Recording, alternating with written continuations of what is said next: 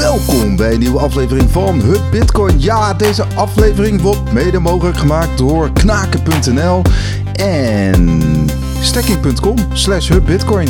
Daar kun jij je spulletjes kopen en je krijgt sats terug. Dus uh, ja, Robin, uh, weer een, uh, een, week vol met nieuws. Laten we gelijk yes. beginnen met ja, regulering. Uh, veel Nederlanders gebruiken natuurlijk Binance. Uh, stopte eerder met het accepteren van Ideal.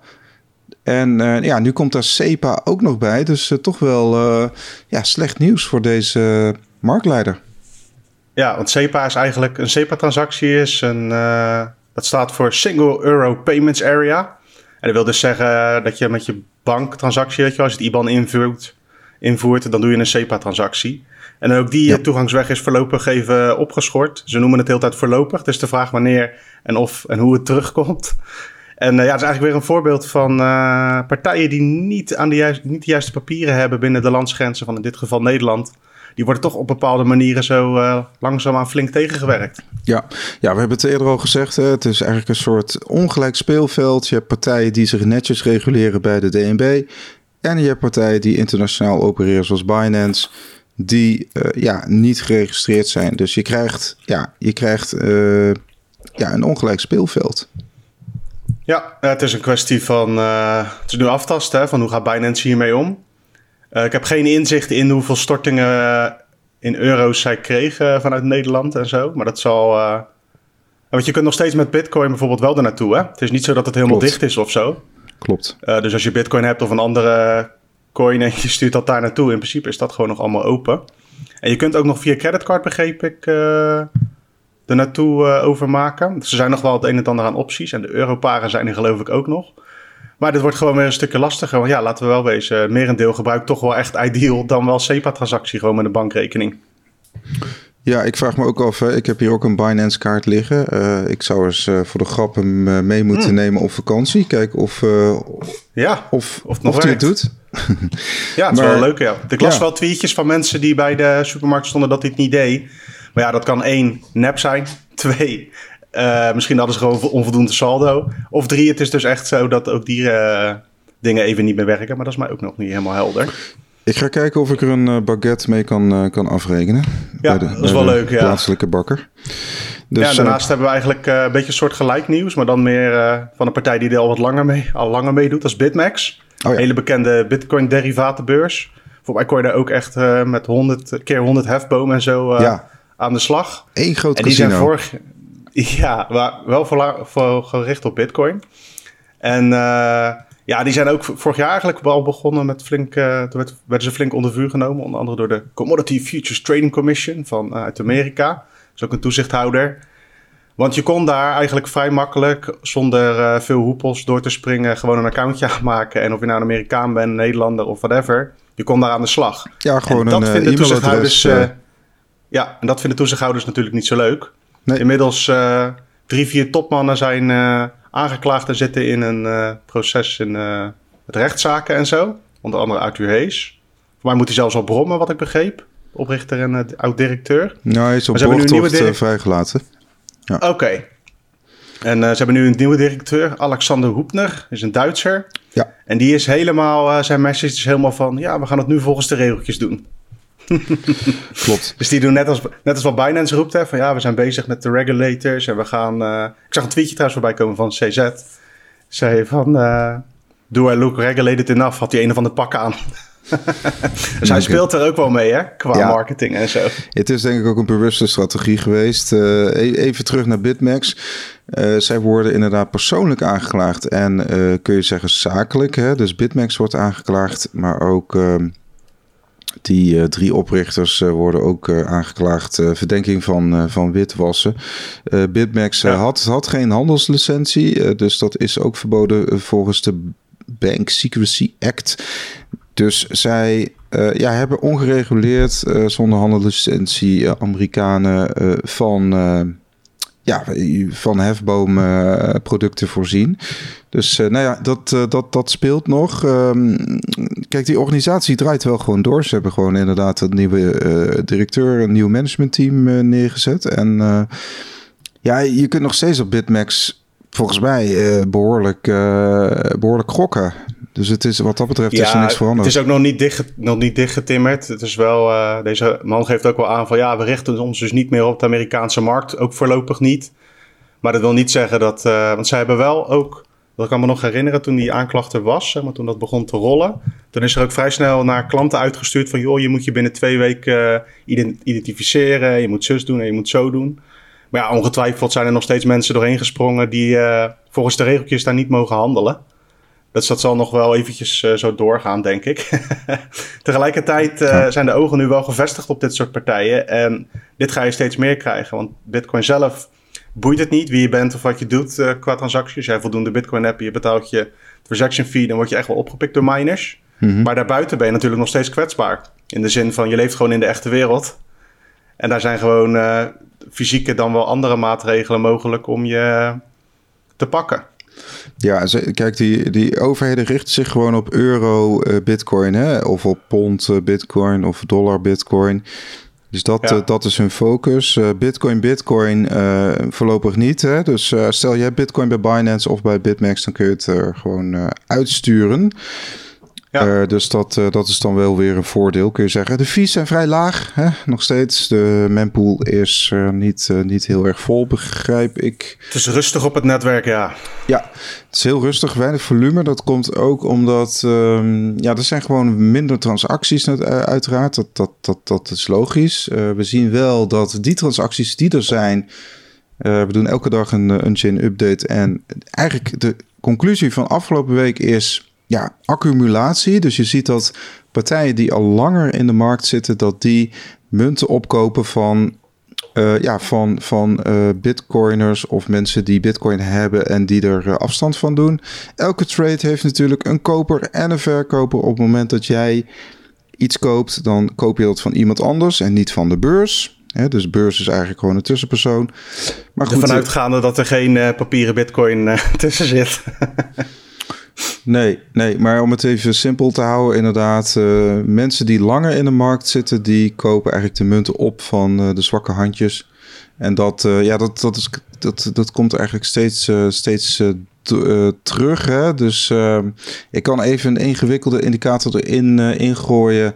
Dat is de Bitcoin Liveliness. Bitcoin Liveliness kijkt gewoon eigenlijk naar het aantal uh, dagen dat een munt zeg maar slaapt. En een aantal dagen dat een munt slaapt betekent dat die niet is uitgegeven, niet is verkocht, kun je mhm. zeggen, niet is verschoven. Uh, ja. En dat deel je door het aantal uh, munten dat. Ehm, nee, het aantal dagen, het, het, het aantal munten wat inderdaad is verstuurd, dat deel je door het aantal munten wat is gecreëerd. Daar krijg je dus een bepaalde indicator uit. En die, ehm, dat heet de Bitcoin Liveliness en dat uh, duidt op accumulatie.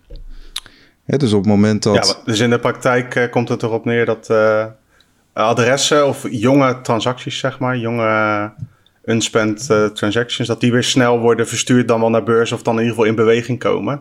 En dus Bitcoin er wat langer stilstaan, dat je bij dat soort adressen juist weer meer Bitcoin opkomt. Daar komt het eigenlijk op neer. En dan kan je de voorzichtige conclusie trekken dat er nieuwe mensen zijn geweest die op een bepaald punt zijn ingekocht.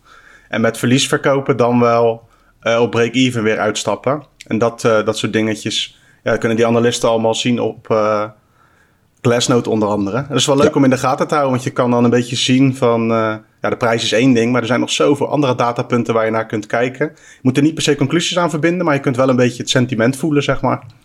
Klopt, het is absoluut niet voorspellend, net zoals technische analyse. Het is geen exacte wetenschap. Hè? Het, nee. dit, want het is heel erg suggestief. Want elke analist heeft weer zijn eigen interpretatie van bepaalde cijfers. Uh, je ziet dat bepaalde analisten hebben bepaalde favorieten. Hè? Favoriete indicatoren die ze elke week wel langskomen. komen. dus die hebben ook een bepaalde focus op uh, bepaalde indicatoren. Dus dat betekent en niet elke, uh, zeg maar, je kunt niet de markt vangen in een aantal indicatoren. Dat, dat kan gewoon niet. Hè? Dus de, er zijn nee, zoveel. Maar als je cijfertjes leuk vindt, is het wel leuk om een beetje in de gaten te houden van wat er on-chain en daaromheen een beetje gebeurt. Naast uh, dus de dagkoers. Ja, nou ja, het wordt dat, ook wel uh, goed gelezen, moet ik zeggen. En Willy Woo, die gebruiken we natuurlijk regelmatig onlangs vader geworden van een kleine, maar hij is best wel actief. dus tussen, ja. tussen baby babysitten door, ja. stuurt hij de nodige tweets uh, ja, ze worden bij ons goed gelezen, maar bij die, die Twitter-accounts groeien ook als school natuurlijk. Je hebt, ik sta al van die uh, gasten die dat elke dag eigenlijk wat eruit tweeten. En uh, die gaan gewoon over de 100.000 volgers heen binnen één of twee jaar elke keer.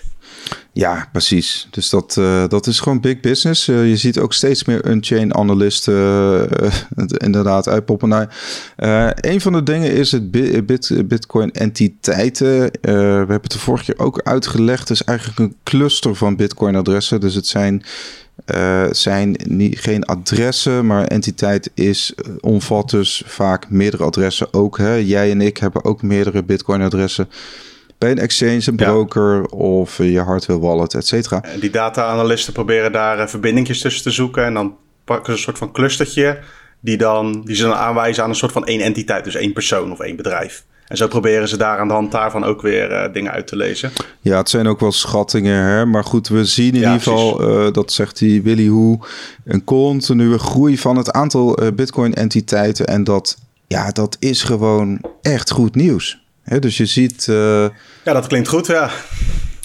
Nou ja, kijk, het is er. Kijk, en dat wordt dan ook enigszins weer vergeleken met, met de adoptie van internet. Uh, maar we zien in ieder geval, als je kijkt, hè, ongeacht dat, uh, vanaf juli 2020 zie je gewoon echt een uh, behoorlijke lijn omhoog. Hè, het lijkt wel een bergetappe van de Tour de France. Het gaat echt keihard omhoog. En dat is, wel, dat is wel grappig, want uh, als je uh, die twee nieuwtjes naast elkaar, zeg maar, van aan de ene kant zijn er dus blijkbaar oudere, oudere adressen die uh, meer bitcoin aan het vergaren zijn. En toch zijn er ook blijkbaar, volgens deze statistiek, dan weer meer nieuwe clusters, dus nieuwere mensen. Klopt, klopt, klopt. Kijk, en um, dat, dat is vrij ingewikkeld, maar ik begrijp dat het aantal transacties en adressen kan uh, dat kan zeg maar dalen, terwijl het aantal entiteiten wel groeit. Dus een beetje gek. Dat gaan nou, we andere keer... adressen dalen sowieso niet natuurlijk, want die komen er alleen maar bij. Je kunt niet een adres van Bitcoin verwijderen of zo. Ja, ik bedoel de groei. De groei kan afnemen, zou ik het zo zeggen. Ja, precies. Ja, exact. Uh, ja, maar... er zijn allerlei uh, leuke dingetjes om in de gaten te houden. Ja. En ja, er wordt steeds ook meer inzichtelijk. Hè? Want uh, een paar jaar geleden waren nog niet al die dashboards er. Tegenwoordig kan je bijna overal in ieder geval een gratis accountje maken en het een en het ander uh, in de gaten houden. Bijvoorbeeld uh, hoeveel, hoeveel bitcoin er bij beurzen staan. Er staat nu rond de 2,5 miljoen geloof ik uit mijn hoofd bitcoin. Um, bij de grootste beurzen. En zo heb je allerlei statistieken die gewoon makkelijk te vinden zijn.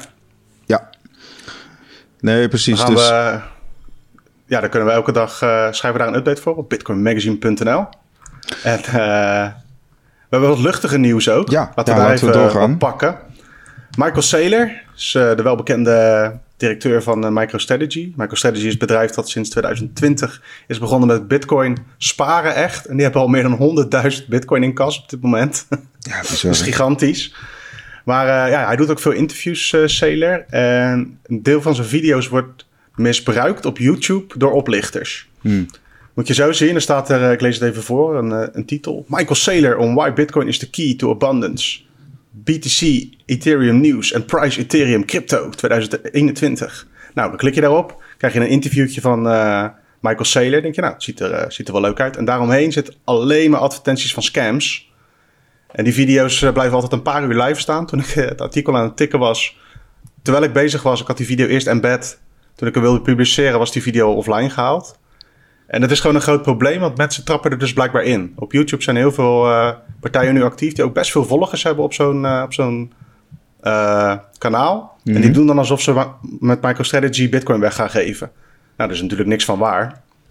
En hij heeft er een tweetje over gedaan, Sailor, van joh, ik ga geen Bitcoin weggeven en ik geef ook geen investeringsadvies op YouTube of zo. Dus let op, het is niet van mij en trap er vooral niet in. Ja. En je ziet het op heel veel verschillende plekken nu weer, uh, weer voorbij komen. Ja, ja we hebben het eerder gezien hè, bij, uh, bij Elon Musk hebben we het gezien. Bij, bij Vitalik, ja. uh, Vitalik Buterin hebben we het ook gezien.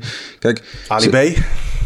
Ja, ja, John de Mol. Maar het is ook. Um, kijk, Bitcoin heeft geen persoon. Bitcoin heeft geen hoofdkantoor, geen bedrijf. zit uh, niks achter. Het is gewoon technologie, is een protocol. Dus, maar die oplichters die proberen dat natuurlijk te personaliseren door inderdaad, uh, ja, hè, Michael Saylor, Elon Musk, uh, dat soort figuren die veel volgers hebben, die. Ehm, Die proberen ze natuurlijk te misbruiken hiermee. Ehm, en als je op dat linkje klikt, dan, komt er dan, dan uh, wordt er dan uh, malware bij je geïnstalleerd. Is dat bekend? Of uh, wat gebeurt er dan eigenlijk? Ja, dat, dat verschilt. Je hebt bijvoorbeeld van die beloftes van stuur hier wat bitcoin heen en krijg je dubbele terug.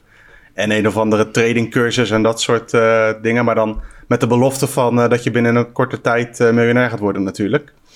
Ja, dat zijn allemaal gewoon pure, pure oplichting. En ja, wees op je hoede, want het zit in een, uh, in een klein hoekje. Pakken we er nog eentje bij. Ja. Vrouw drogeert Tinder date om oh, bitcoin te stelen. Ja, bizar. Heb je ooit getinderd of niet? Uh... Uh, nee, ik niet. Nee, nee ik ook was niet. Al, misschien was ik toen al oud. Ik lag al aan de ketting. Dat zoiets. nee, ik nog niet hoor, maar nee, is niks voor mij joh. Nee. Maar in ieder geval, James Lop van Casa. James Lop is een bekende bitcoiner, onder andere doet security bij Casa. Ja. Een bitcoin bedrijf. En die heeft een mooi rapportje geschreven over een klant van hun. Die uh, nou, had een uh, kortstondig gesprek met iemand. Er was een uh, vrouw die zei dat ze cryptocurrency trader was. Na een paar korte gesprekjes gingen ze op date. Ging allemaal prima. Totdat ze uiteindelijk bij het huis van het slachtoffer terechtkwamen. Bij de man in kwestie. En toen is hij gedrogeerd door zijn date. Ai, ai, ai. En zij heeft via zijn telefoon probeerde ze bitcoin te stelen.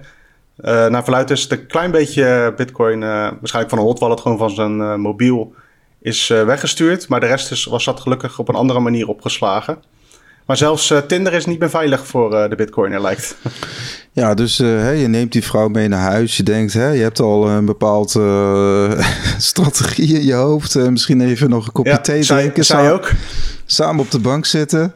Hey, je slaat een arm om haar heen. Maar toch, toch op zich knap dat, uh, dat ze toch het voor elkaar heeft gekregen om, om, uh, ja, om hem te drogeren. Misschien ging jij even weg inderdaad en drankjes stonden op tafel en het was zo gebeurd. Maar, ja, de exacte details zijn niet nee. bekend nog. Maar het is gewoon weer zo'n verhaal van... Dit, dit, heeft wel Bitcoin als onderwerp, maar dit kan natuurlijk met alles gebeuren. Als jij mooie juwelen hebt, dan kan er ook een gekkie komen die de boel leeg probeert te roven natuurlijk. Dat is nog makkelijker trouwens dan uh, Bitcoin als je het een beetje goed opslaat. Ja, nee, inderdaad. Dus uh, kijk, uh, ja, Bitcoin is in zekere zin, als je, zolang je gewoon die, um, die seeds hebt, dan, dan heb je uiteraard ook de Bitcoin. Um, Vaak wordt ook wel toch wel gezegd dat uh, het, het, opslaan van je privacies in, in, in je telefoon, in ieder geval voor kleine bedragen, is dat best oké. Omdat over het algemeen is een telefoon beter beveiligd dan bijvoorbeeld een laptop.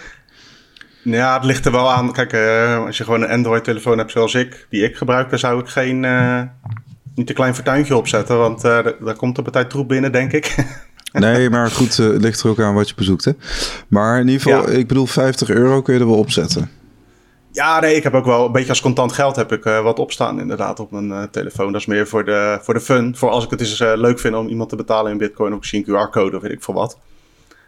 Maar ehm, ja. ja, dit is weer zo'n voorbeeldje van ga eens na. Van als dit jou overkomt, is, is dan je bitcoin te stelen? Zo ja, misschien moet je eens kijken naar je security opzet. Ja, dat. En dan blijven we even. En als, je gaat, oh, als, je, als je gaat daten, dan. En het is, het is een leuke vrouw. En ze is ook nog cryptocurrency trader. Dan. Misschien is het een beetje too good to be true. Weet je wel? Misschien is nou, het. dat hoeft toch niet? Er zijn genoeg. Uh, I believe in unicorns, Wessel. Ja, nee, goed. Maar uh, ik wil alleen maar zeggen, misschien... Uh, ja, nou ja, het, het, is ook zo. Het, dit, dit, dit soort dingen maar gebeuren. Maar inderdaad, uh, Too Good To Be True is inderdaad wel een, uh, wel een goede. Dat haak ook een beetje in op bij Michael Saylor bij, dat bericht, bij, dat, uh, bij de YouTube-video's. Van als iemand je het een en ander belooft. of het lijkt allemaal te mooi om waar te zijn. Ja, denk nog eens goed na van wat de andere motieven zouden kunnen zijn. Nou ja, je wordt niet zo heel snel rijk. Hè? Dus mensen hebben zo'n idee dat, dat, dat miljonairs altijd heel snel rijk zijn geworden. Maar dat zijn mensen die hebben vaak keihard gewerkt. Gewoon echt. Waarschijnlijk niet uh, door random YouTube-filmpjes te kijken. Dat denk ik niet. Nee, nee maar niet, niet, niet, niet 40 uur gewoon uh, van 8 tot 5 en uh, we gaan dan de barbecue aansteken. Nee, gewoon keihard werken. Of ze hebben gewoon inderdaad een onderneming gestart.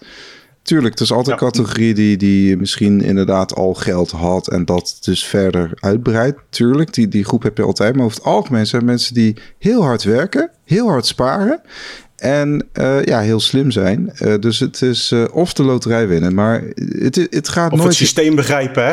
Het gaat nooit Als je heel helemaal snel. voet tussen de deur hebt. Als je helemaal voet tussen de deur hebt, dan kan het wel sneller gaan. Nu met dat geld is bijna gratis. nee, maar, maar, ik wil alleen maar zeggen, het is... Het is je wordt niet rijk met een paar muisklikken. Weet je wel, het, nee, het is niet... Waarschijnlijk niet, nee. Ja, of je moet een heel goede hacker zijn. Dan weer wel misschien. Ja. Nou, uh, daarover gesproken van uh, snel rijk worden, pakken we nog een opmerkelijk nieuwtje. Een uh, man op Malta hmm. voor 700.000 dollar aan cryptocurrencies. Het is even onbekend welke precies. Hij leende zijn telefoon uit aan een business partner, moet ik zeggen, directeur van hem. Ja. Om een of andere business transactie te doen. En hij geeft zijn telefoon. En voordat hij het wist, kreeg hij zijn telefoon terug. Was er 700.000 dollar van zijn wallet verdwenen. Tja. Uh, zijn directeur moest een betaling doen van 5000 dollar volgens de berichten.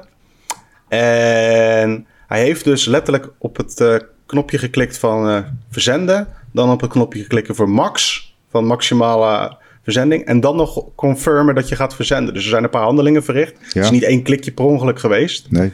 En ja, die directeur is nu aangeklaagd en die ontkent natuurlijk van, uh, dat het uh, zijn fout was en weet ik veel wat allemaal. Maar hier is dus, dit is nog extreem, want we hadden het net over uh, hoeveel geld je op je mobiel moet zetten.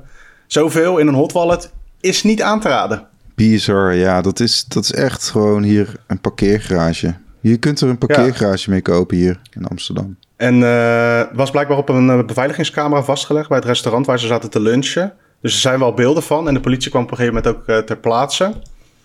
Maar dat geld is natuurlijk weg. Ervan uitgaande dat deze de directeur het niet uh, zelf in beheer heeft en zomaar kan opgeven nu, is het gewoon weg. Ja, dat, dat, dat wordt nog wat. Want uh, ik bedoel, er is nu een rechtszaak of zo. Ja, hij zegt dat hij onschuldig ja. is. Maar hij wordt in ieder geval wel verdacht van fraude, uh, diefstal, witwassen. En nog een aantal andere misdrijven. Van allerlei dingetjes worden er nu opgeplakt.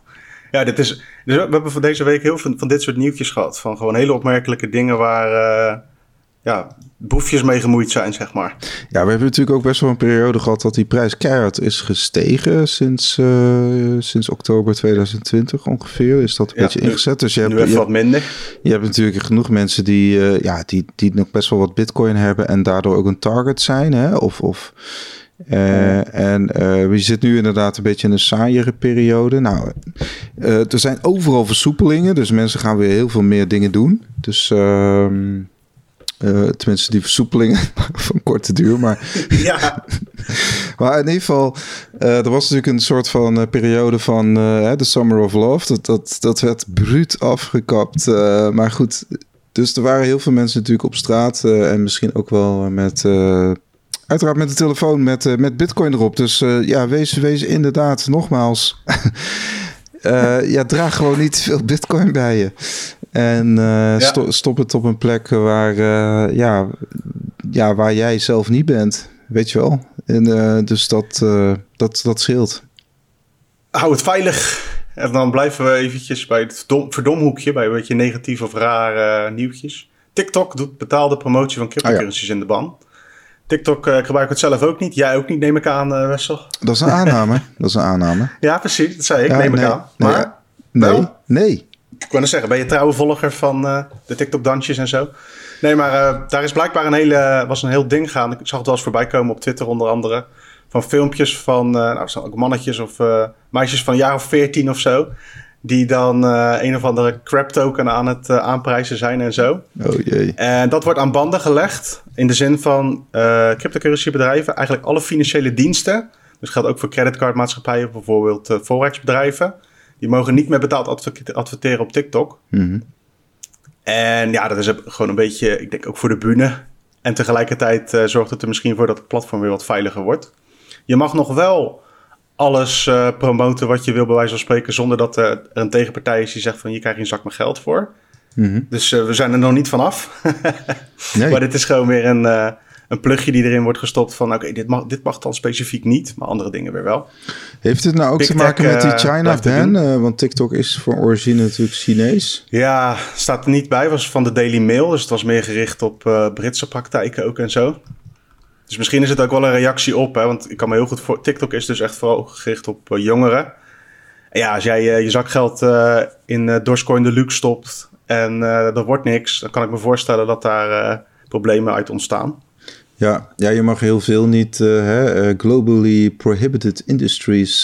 dus stel, ik, ja. ik heb een lekker biertje gedronken, dan, hè, dan mag ik dat ook niet aanprijzen op TikTok. Oké. Okay. Alcohol, sigaretten, ja, ja. Ja, het zijn allemaal van die... Wapens. Ja, we hebben natuurlijk een...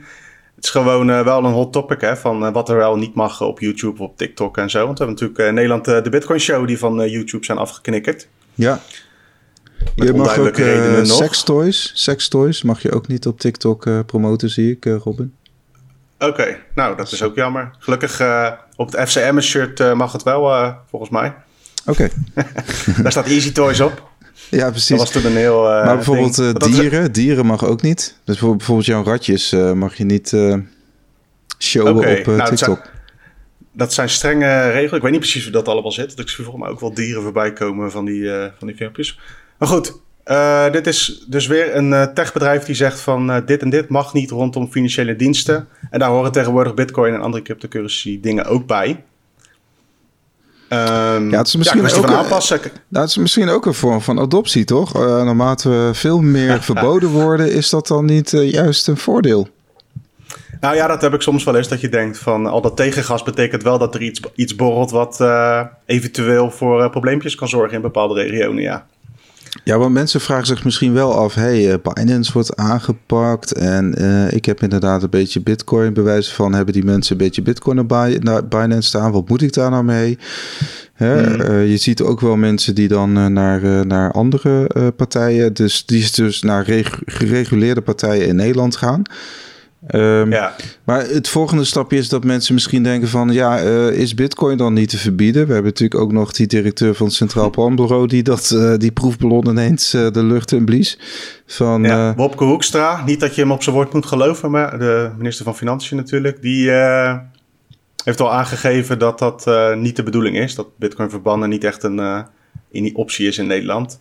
Kijk, dat er allerlei toegangswegen worden geblokkeerd... dat gaat gewoon nog veel erger worden, denk ik.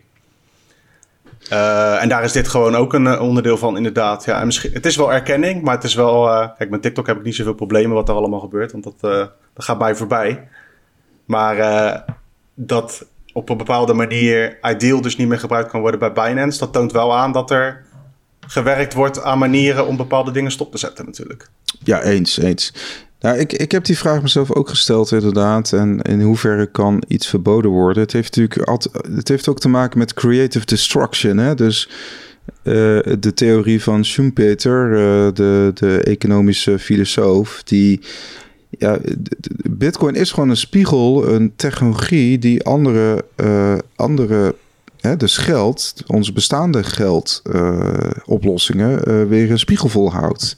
Het is, het is eigenlijk ook, als je het helemaal plat slaat, gewoon software. Hè? Het is gewoon een soort mhm. van intellectuele...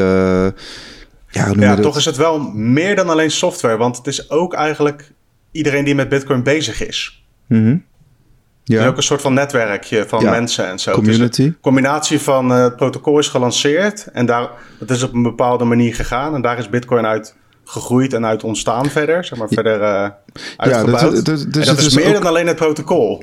Ja, eens. Dus het is ook een soort uh, samenbundeling van talent. Hè? Dus mensen die er gewoon ook aan werken en er energie in stoppen elke dag. Hè? Wij, wij, wij ook. Wij stoppen elke dag energie en tijd in Bitcoin. Nou heb je ook gewoon. Ik zou uh, mezelf niet in het rijtje willen stoppen van uh, Bitcoin Core ontwikkelaars en zo. Maar het is, uh, iedereen is op zijn eigen manier er wel mee bezig. Zelfs als je elke dag alleen maar de prijs checkt. Op een bepaalde manier ben je toch bezig met, met Bitcoin.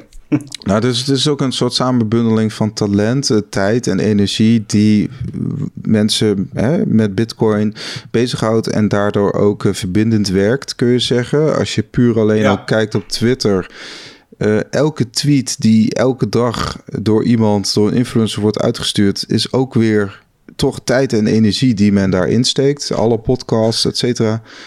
Dus dat, uh, dat, dat, en dat gaat ook niet zomaar voorbij natuurlijk. En dat, dat is ook niet te verbieden. Dus, uh, de, nee. de, want dan zou je ook de vrijheid van meningsuiting ja. moeten verbieden.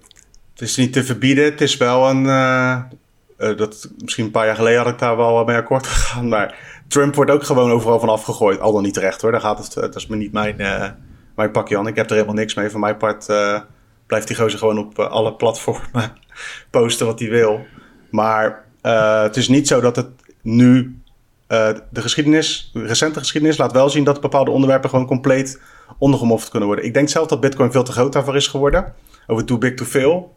In de zin van er zijn allerlei belangen nu ook bijvoorbeeld binnen in Amerika. Uh, waar heel veel partijen op bepaalde manieren al baat hebben bij dat Bitcoin het goed doet. Nou kijk, Donald Trump is natuurlijk een persoon. Hè? En uh, mm Bitcoin is geen persoon. Nee, maar ik kan me nog een verhaal herinneren over de zoon van Biden. Verder niet. Dit moet je maar googlen. Biden, Biden's son laptop of zo. Dan vind je het vast wel. uh, dat, dat brak eigenlijk uit voordat de verkiezingen waren. En dat is helemaal monddood gemaakt. Je kon dat niet posten op Facebook. Werd gelijk verwijderd. En nu is dat een verhaal dat wel ondertussen naar buiten is gekomen. Dus het is wel mogelijk om onderwerpen in ieder geval te onderdrukken.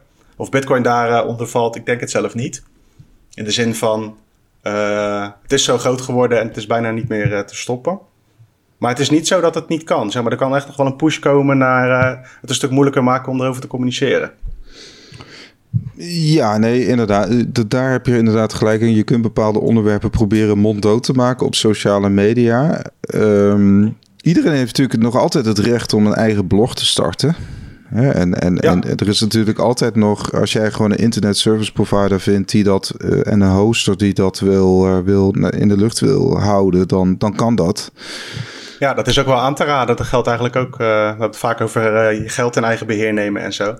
Maar dit soort dingen, als je bijvoorbeeld. Uh, als jij een grote influencer bent en je zit alleen maar op Twitter, dan ben je echt afhankelijk van wat er daar beslist wordt. Ja, is groot voor je hele business. Ja, kijk, en als je op allerlei verschillende dingen zet en je blijft altijd, jouw brand is gewoon, weet ik veel, je maakt leuke gerechtjes, dan heb je ook niet zo grote kans dat je aan een van die twee kanten komt waarvan je wordt weggesneden, zeg maar. Maar als jij ook maar iets wat op het randje kan zitten maakt, dat kan Bitcoin zijn, dat kan ook iets uh, compleet anders zijn, op bepaalde politieke ideologie of zo, dan heb je de kans om ergens afgeknikken te worden. En dat geldt voor bij je bank, maar dat geldt ook voor bij, uh, bij YouTube, Twitter of waar je dan ook uh, je bereik aan het opbouwen bent. Ja, en we, we, concentreren ons natuurlijk heel erg op online. Dat komt ook omdat iedereen natuurlijk op dat apparaatje online zit. Maar je hebt ook nog een heel circuit offline dus eh, ik noem maar wat als ja. uh, Antonopoulos uh, zegt van ik ga gewoon bitcoin lezingen doen uh, op een, ergens op een grasveld in Texas. Dan, ja. dan kan dat. Hè? En dan, dan wordt dat woord van bitcoin nog steeds verspreid. Hè? En dat, dus dat... Dus het, het, je hebt dan ook nog gewoon de offline dingen. Je hebt nog boeken. Je kunt ook gewoon zeggen, ik ga een boek uitbrengen. Ja, misschien... ja, ik wil alleen maar zeggen, je ziet in de praktijk bijvoorbeeld nu in China... dat er ook wel hard, op, hard aan opgetreden kan worden... en gewoon een hele industrie om zeep geholpen kan worden. Er zijn, uh, het is echt wel, uh, dat zei Andreas uh, Antonopoulos ook al jaren geleden... van er wordt echt een groot gevecht. Het is niet zomaar eventjes, je maakt even nieuw geld... en binnen tien jaar gaat iedereen het accepteren en niemand houdt je tegen... Er zit natuurlijk ook een hele kracht achter uh, de euro, dollars en alle andere fiat currencies, die dat niet zomaar laten gebeuren als Bitcoin überhaupt al in staat zou zijn om dat te kunnen doen. Want het is en blijft een uh, groot experiment waar ik zelf wel veel vertrouwen in heb. Nou, het is ook niet zo zwart-wit, want het is ook, uh, denk ik, mensen zien het soms als een vervanging. Ik denk dat het lange tijd naast elkaar blijft bestaan. Het is ook niet, ja. we zetten de knop om en we zitten ineens in de Bitcoin-standaard. Nee, zo gaat nee. het niet. Uh, dus dat zal. Uh, kijk, en het zullen eerst inderdaad landen zijn die gewoon echt al een kutsysteem hebben. Die gewoon hoge inflatie hebben, zoals Libanon. Mensen uh, elke dag het, het, weet je, het geld wat ze. Het geld wat ze. Ja, ik, ik noem even een out of the box. Echt een beetje out of the box voorbeeld. Maar Weet je, uh, twee dagen voordat we op vakantie gingen, ging de wasmachine stuk. Nou, moest hij even naar wassen retten.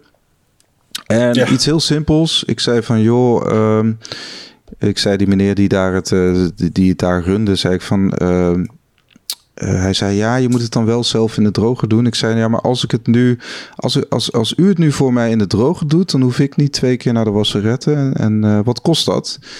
En toen zei ja, dat, dat, dat kost 3 euro. Het kostte 3 euro om de was zeg maar uit twee wasmachines te halen en in twee drogers te doen.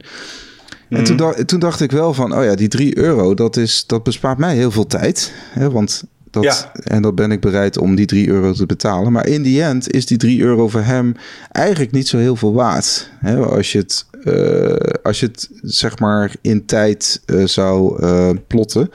Nou ja, goed. Ligt aan zijn uurloon. Kijk, als jij 6 euro per uur verdient en je kan binnen 5 minuten eh 3 euro verdienen, dan is het gauw verdiend. Dat klopt. Alleen die 3 euro ging wel zeg maar niet naar hem toe. In de bedrijfspot. Nee, precies. Nee, maar. Eh, dus, maar anyways, ik wil alleen maar zeggen, die, die- je hebt natuurlijk ook genoeg mensen die dus 3 euro per uur verdienen. Of eh, ja, in het ergste geval misschien wel 3 euro per week. bewijs van. Ja. Qua koopkracht. En in, theo- en in theorie kunnen die in het Bitcoin-netwerk inpluggen en tegen een veel betere tarieven online werk doen dan lokaal in Libanon bijvoorbeeld. Ja, Dat, eh, dat soort dingen ga je, tenminste dat hoop je dat er, dat er gaat ontstaan, dat er bepaalde economieën ontstaan. Want dat, zie, je- dat heb je natuurlijk al, wij gebruiken bijvoorbeeld was Fiverr. Mhm. Nou, regelmatig eh, pak je dan iemand gewoon uit India, want die zijn eh, relatief goedkoop per uur. En die maken gewoon, als je goed zoekt, heb je gewoon, kan je prima producten krijgen. En nu zit daar nog Fiverr tussen, maar in theorie kan je daar straks, en PayPal of weet ik veel wat je, waar je mee betaalt, Mastercard.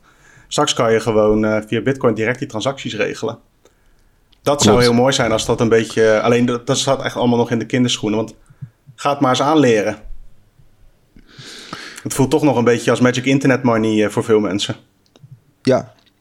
Nou ja, kijk, het, het is ook een En het kwestie is ook van... niet de heilige graal. Hè? Het is niet dat dat allemaal. Bitcoin is ook niet wat alles oplost. Daar stoor ik me ook wel eens aan in die discussies. Van eh, wat Bitcoin moet zijn, voor mij in ieder geval, is gewoon zo neutraal mogelijk geld. Zo decentraal neutraal mogelijk geld. That's it. Alle gevolgen van, van die eventuele implicatie eh, komt door de mens, komt niet door Bitcoin, zeg maar. Ja. Nou ja, en er is een, inderdaad. Ja, voor mij is Bitcoin voor, op dit moment vanuit westers oogpunt gewoon spaargeld. Hè? Dus voor mij is het gewoon een, een verzekeringspolis voor de toekomst. Het is gewoon voor mijn kinderen. En Ja, en that's it. Dus het is, eh, de euro gebruik je natuurlijk gewoon eh, voor transacties. Maar ja, Bitcoin... voor mij is het meer een, eh, een noodgreep. Ik hoop nog een paar eh, decennia hier rond te lopen. En met euro's weet ik sowieso dat het er niet gaat worden. Qua koopkracht. Dus wat ik had het liefst gewoon een, eh, een valuta gehad, bij wijze van spreken gewoon de euro, die wel voldeed aan wat ik van geld wil, dat ik ook in kan sparen. Ja. ja, dus Christine, Dus als je niet- luistert... het is, soms is het, ja precies, soms is het, bitcoin is misschien wel een luxe product in het Westen, maar tegelijkertijd is het ook wel eh, noodzakelijk. Ja, stiekem wel. Alleen we hebben het, eh, we hebben Ja. het eh, misschien nog niet helemaal, eh helemaal En dat is misschien meer van ons, hè? want ik denk dat de gemiddelde belegger, of de gemiddelde iemand die bitcoin koopt in Nederland, het inderdaad vooral doet gewoon om even snel, of even snel, in ieder geval voor de toekomst te sparen. En dan laten ze het bij wijze van spreken ook nog bij een beurs staan en dat is prima. Het gaat hun dan puur om de eurowaarde. Bij mij zijn die eigenschappen van bitcoin aan zich van, nou, het is van mij.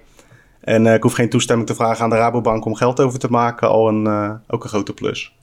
Nou, wat, er- wat er ook gebeurd is, Robin, is dat ehm, de, de euro die boet aan koopkracht in. Hè, de ECB die accepteert nu ook meer ruim eh 2% als inflatie, eh, de officiële inflatie dan. Maar wat, Ja. wat er ook aan de hand is, en dat, waardoor mensen het ook gewoon veel minder ehm, doorhebben, is dat heel veel diensten ook goedkoper zijn geworden. Hè, dus eh, dat jij voor 10 euro gewoon, zeg maar, eh, onbeperkt muziek kan luisteren. Hè, dus dat, In de maand, ja. dat, dat, zeg maar, dat je voor 200 euro, eh, zeg maar, gewoon een nieuwe tv kan kopen, bewijs van. Hè? Ja, maar dat Of- zijn wel die, die luxe dingetjes, zeg maar. Want juist die levensmiddelen en zo gaan wel omhoog. Ja, ja, en benzine ook. Ik bedoel, ik... Dus een eh, beetje, je wordt ja. een beetje zand in de ogen gestrooid van... eh, ja, leuk dat je de iPhone van vorig jaar nu voor eh 300 euro minder kunt kopen. Maar eh, je broodje, je boterham, eh, als je dat eet, of een stukje vlees... dat is gewoon, eh wij spreken 10, 20 procent duurder eh, over een bepaalde tijd. klopt, In euro's. klopt. Soms heeft dat ook met vraag en aanbod te maken, zoals we in de Ja, dat is echt niet alleen eh inflatie. Ik ben echt, ik ben geen econoom, maar ik heb ook wel af en toe het idee dat de inflatie overal maar wordt opgeplakt, terwijl het ook gewoon een eh, kwestie van tekorten kan zijn en zo. Ja, dat zie Neem bijvoorbeeld de Nederlandse huizenmarkt, want nu.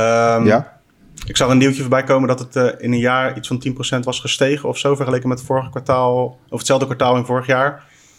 maar dat er bijvoorbeeld in Frankrijk maar een stijging was van 2%, of Spanje, daar ergens, Italië om aan te geven dat het ook misschien wel een beetje een lokaal probleem is, buiten alleen de euro om. Nou ja, daar hebben ze ook wel te maken met leegstand, hè, kun je zeggen. En ja. de, de, de, zijn allerlei, nou ja, er zijn allerlei factoren. Ik, ik zie persoonlijk dus dat uh, maar goed, ik ben niet de gemiddelde. Ik woon niet in de gemiddelde woonwijk. Maar goed, ik zie wel dat mensen best wel veel gemiddeld meer dan twee kinderen krijgen, zal ik het dan zo zeggen. Uh, ja, maar dat is in Nederland dus niet. Nee, nee, nee, oké. Nou ja, goed. Ehm, dan hebben we natuurlijk ook uh, niet, niet alleen, uh, want er wordt altijd geconcentreerd op immigratie uit bewijs van niet-westerse landen. Of, maar we hebben ook gewoon heel veel instroom van expats.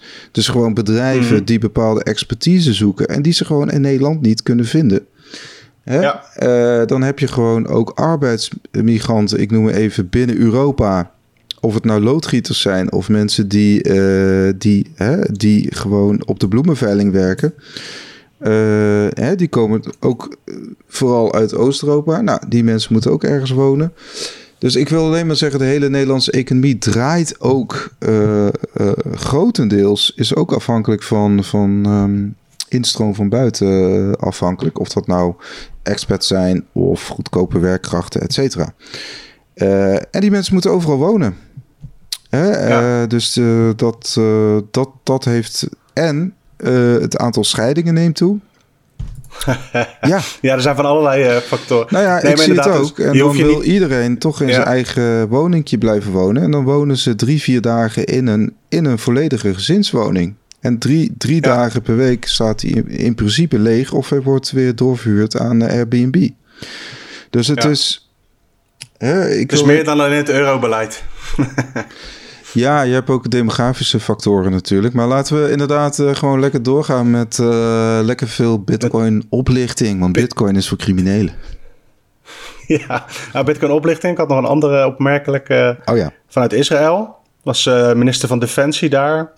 Die heeft een bevel ondertekend om beslag te leggen op 84, minstens 84 adressen van verschillende cryptocurrencies. Mhm. Bitcoin, Tether, Ether en zelfs Dogecoin komt voorbij in die uh, lijst. Heel populair, Dogecoin.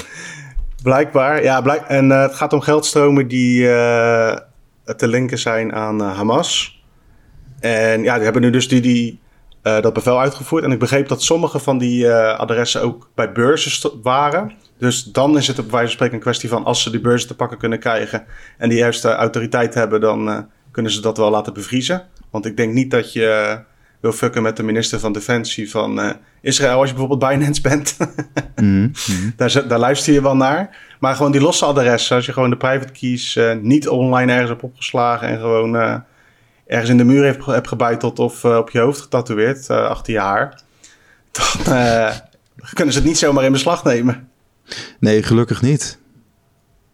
Kijk, dat is gek. Hè? Je zegt dan gelukkig niet, maar dat is wel hoe Bitcoin nooit te werken, inderdaad. Het is ook geld voor, voor vijanden. Anders zou het niet werken. Als Bitcoin, als Bitcoin in een situatie terechtkomt waarin uh, dit soort uh, mensen hun geld kan worden afgepakt, dan heeft Bitcoin gefaald. Nou ja, dat, dat is natuurlijk wel wat steeds. dat, ik ben benieuwd hoe, dat, hoe die, die strijd gaat erop in de komende jaren. Ja, is, is ook heel moeilijk, hè? Want dat is ook. kijk, voor mijn gevoel, ik vind gewoon dat. Voor mijn gevoel moet geld vrij zijn. Vrijer dan de dollar en de euro, laat ik het zo zeggen. Mm maar aan de andere kant, je hm. snapt, je snapt wel als je op zo'n stoel zit van je bent verantwoordelijk voor uh, counterterrorisme, weet ik het allemaal voor, wat voor mooie termen ze voor gebruiken. Dan ben jij wel gebaat bij macht over die geldstromen. Dus dat wordt inderdaad flink uittrekken en een strijd. Ja, je ziet natuurlijk wel dat er, want kijk, je hebt natuurlijk ook steeds meer kapitaal wat naar Lightning gaat, Lightning netwerk. Je hebt natuurlijk steeds meer Bitcoin die ook gemixt wordt via allerlei mixingprogramma's. Ja. Misschien moeten wij dat ook nog een keertje doen. Gewoon om te testen. Ja, ik heb het ooit wel eens gedaan. Met de Wasabi, Wasabi Wallet bijvoorbeeld. Of Samurai. Ja. Wordt veel gebruikt.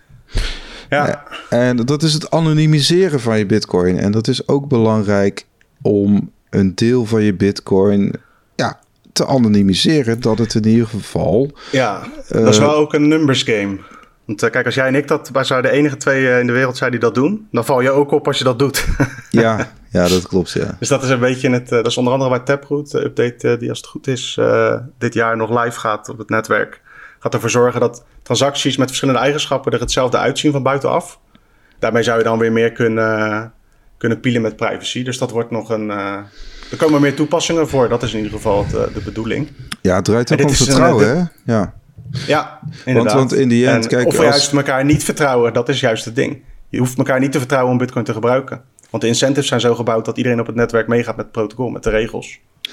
Nee, oké, maar kijk, uh, misschien dat de Belastingdienst dan zegt van... Uh, oké, dus meneer Heester die heeft dat geanalyseerde bitcoin ergens, uh, ergens staan. heeft hij ja, dat nou kijk, als jij een foutje hebt gemaakt... Heeft dat netjes opgegeven aan de Belastingdienst? Ja, en zo, als je dat wel hebt gedaan, maar je wilt het naar een beurs sturen, dan heb je nog een kans dat zo'n beurs zegt van nee, we doen geen bitcoin dat uit de mixer komt. En dat soort dingetjes kunnen wel, uh, kunnen wel gaan spelen. Ja, je, dat je het niet meer kan omzetten in euro's of een andere fiat. Of dat je het in een of andere obscure fiat-munt moet omzetten. Dat je het in de ja. Zimbabwaanse dollar moet omzetten. En dat je het dan toch naar ja. dat land moet verhuizen en daar als een koning leeft. Misschien kan, kan allemaal gebeuren, wel, Robin. Je weet het niet, je weet het niet. Om uh, af te sluiten nog een wat serieuzer nieuwtje van oh ja. uh, Square, van Jack Dorsey. Is uh, de directeur van Twitter en van Square. Square is een betaalservice provider, ook een techbedrijf die onder andere met de Cash App bakken met geld binnenhaalt met de verkoop van Bitcoin. En hij is zelf ook echt fan van Bitcoin. En fan van Bitcoin zeg ik verkeerd, is gewoon een Bitcoiner, in ieder geval naar buitenuit. Mm -hmm. En hij heeft nu aangekondigd met Square een hardware wallet te gaan maken die mainstream ook makkelijker te gebruiken moet zijn. Dus Square bouwt aan een uh, manier om Bitcoin op te slaan. Daar komt het eigenlijk op neer. Ja, het is ook een hele logische. Hè? Kijk, het Twitter, Twitter en Square uh, is vooral software natuurlijk. Eén de social media, de andere is gewoon een betaalservice. Uh, dus ja. het, het, het, is op zich. maar ze gaan dus nu de stap maken naar hardware. Dat is een interessante. Dus ze worden ook deels gewoon een hardwarebedrijf. En, ja, dat is een leuke stap. Ja. En ja, die Twitter, hij, er is, wordt ook wel eens gehint nog steeds vanuit Twitter, van, uh, vanuit Dorsey, dat er op termijn misschien wel iets van Bitcoin-integratie in Twitter komt. Uh, misschien is 1 en 1 wel 2 dat dat ook op die hardware wallet straks mogelijk is. Dat je bij wijze van spreken via je hardware wallet gewoon cold storage je, je Bitcoin hebt. En als je dan een transactie doet, dat dat dan geregeld wordt via hardware wallet.